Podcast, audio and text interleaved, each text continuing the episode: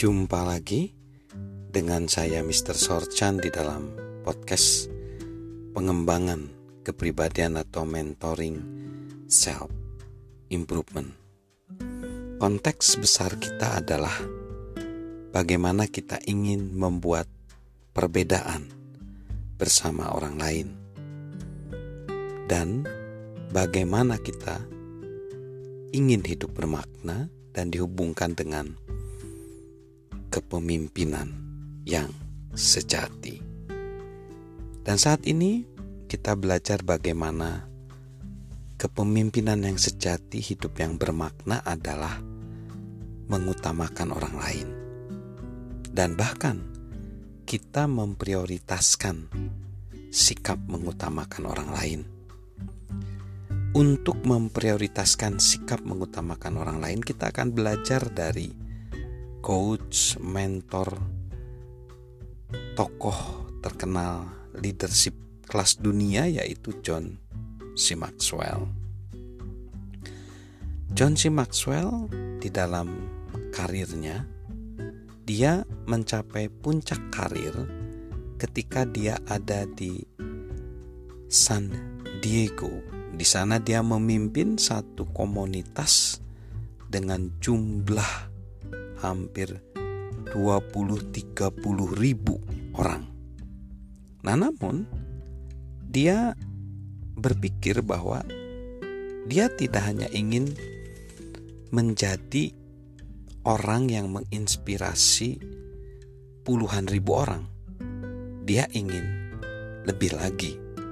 Karena dia berpikir bahwa dia harus bisa mengutamakan orang lain dengan melatih para pemimpin justru bukan hanya di negeri dia di Amerika tetapi seluruh negeri di dunia ini atau secara internasional.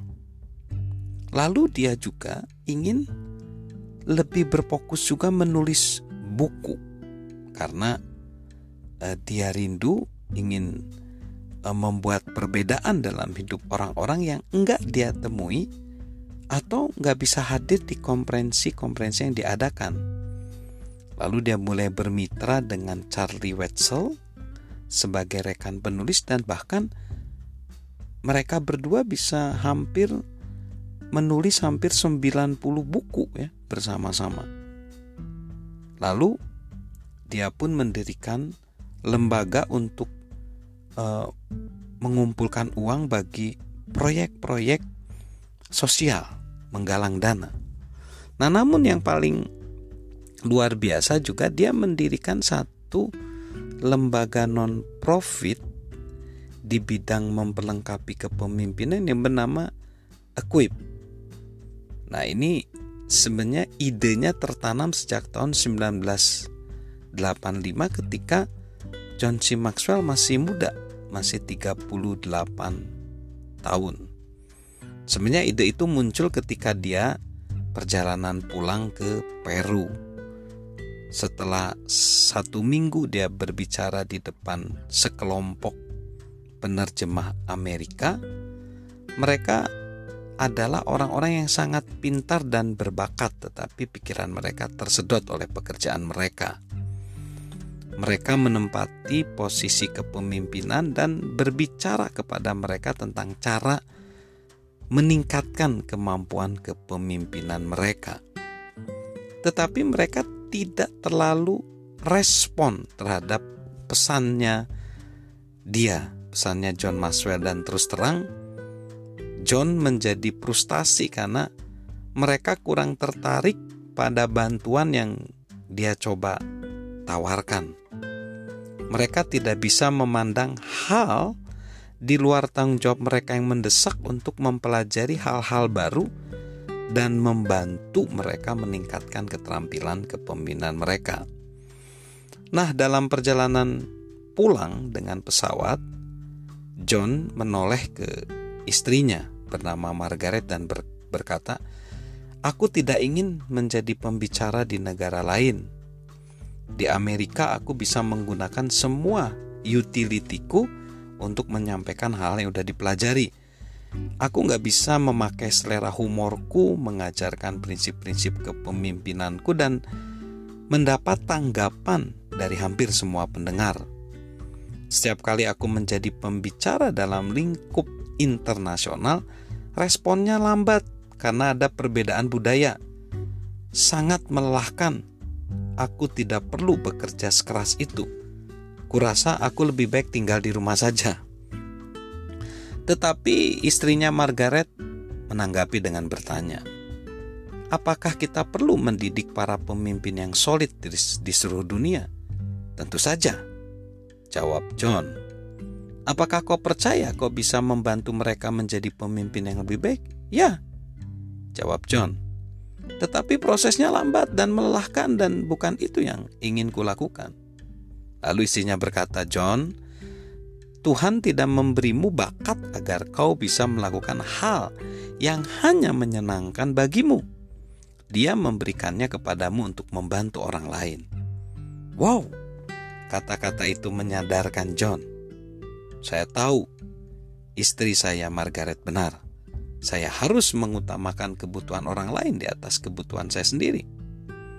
So, dia pun berhenti membahas topik itu, tapi dia tidak berhenti memikirkannya. Selama beberapa hari berikutnya, secara mental dan spiritual, dia bergumur dengan keegoisan hati dia. Dia tahu yang harus dia lakukan dan mengapa itu bertentangan dengan hal yang ingin dia lakukan.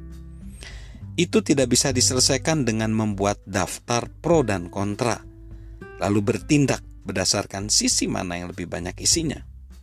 Dia tahu beberapa poin di kolam pro berbobot lebih besar daripada sejumlah kontra.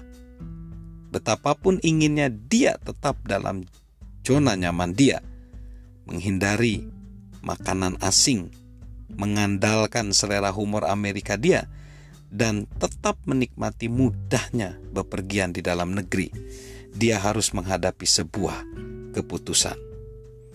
Ketika dia duduk Berpikir, dia membuka buku dan menulis di kolom pro kontra. Lebih dari selusin alasan dia tidak ingin mengajar di luar negeri. Tetapi dia hanya bisa menulis dua poin di kolom pro. Satu, itu tindakan yang tepat. Dua, dia tidak bisa mengabaikan panggilan sejati hidup dia. Pada akhirnya, dia tahu jika dia tidak menindaklanjutinya, dialah pecundangnya. Mengapa? Karena dia tidak akan melakukan satu hal penting yang telah menjadi komitmen dia, yaitu berkontribusi pada kehidupan orang lain. Ketika membuat komitmen itu, dia tidak menambahkan syarat tentang tempat tinggal orang-orang yang dia bantu. Jika ingin mencapai potensi yang bermakna, dia harus bersedia mengutamakan orang lain. Sejak saat itu, dia mulai menerima lebih banyak undangan untuk mengajarkan kepemimpinan di luar Amerika. Tetapi komitmen untuk melayani orang lain di luar negeri belum meningkat sampai dia dan saudaranya Larry mendirikan Equip, lembaga non-profit yang didedikasikan untuk melatih kepemimpinan secara internasional. Sekarang, setelah dua dekade, 20 tahunan, John C. Maxwell bisa melihat ke belakang dan mengatakan perjalanan itu luar biasa karena dia sudah melatih 5 juta pemimpin di setiap negara di dunia. Dan sekarang dia berusaha mengutamakan orang lain dan mengajarkan nilai-nilai dan berharap bisa mengubah berbagai bangsa. So, cerita mengenai John C. Maxwell menggambarkan bahwa Equip yang sudah melatih lebih dari 5 juta itu adalah hasil kerja ratusan sukarelawan dan ribuan penyandang dana. Dia merasa banyak berhutang kepada dewan direksi awal yang membiayai seluruh organisasi dan anggota dewan berikutnya yang mendukung visi itu secara mental, emosional, spiritual, dan finansial. Karena mereka mengutamakan orang lain dan menyediakan kepemimpinan untuk membuat perbedaan. Mereka mampu melayani banyak orang. Nah, guys, sahabat Mr. Sorchan, kita tidak perlu memiliki organisasi untuk mengutamakan orang lain atau melakukan hal-hal besar. Melakukan sesuatu untuk seseorang adalah hal yang besar. Intinya adalah memulai dan melayani orang lain. Kita bisa melakukannya. Kita bisa mulai hari ini. Prioritaskan mengutamakan orang lain. Dari saya, Mr. Sorchan.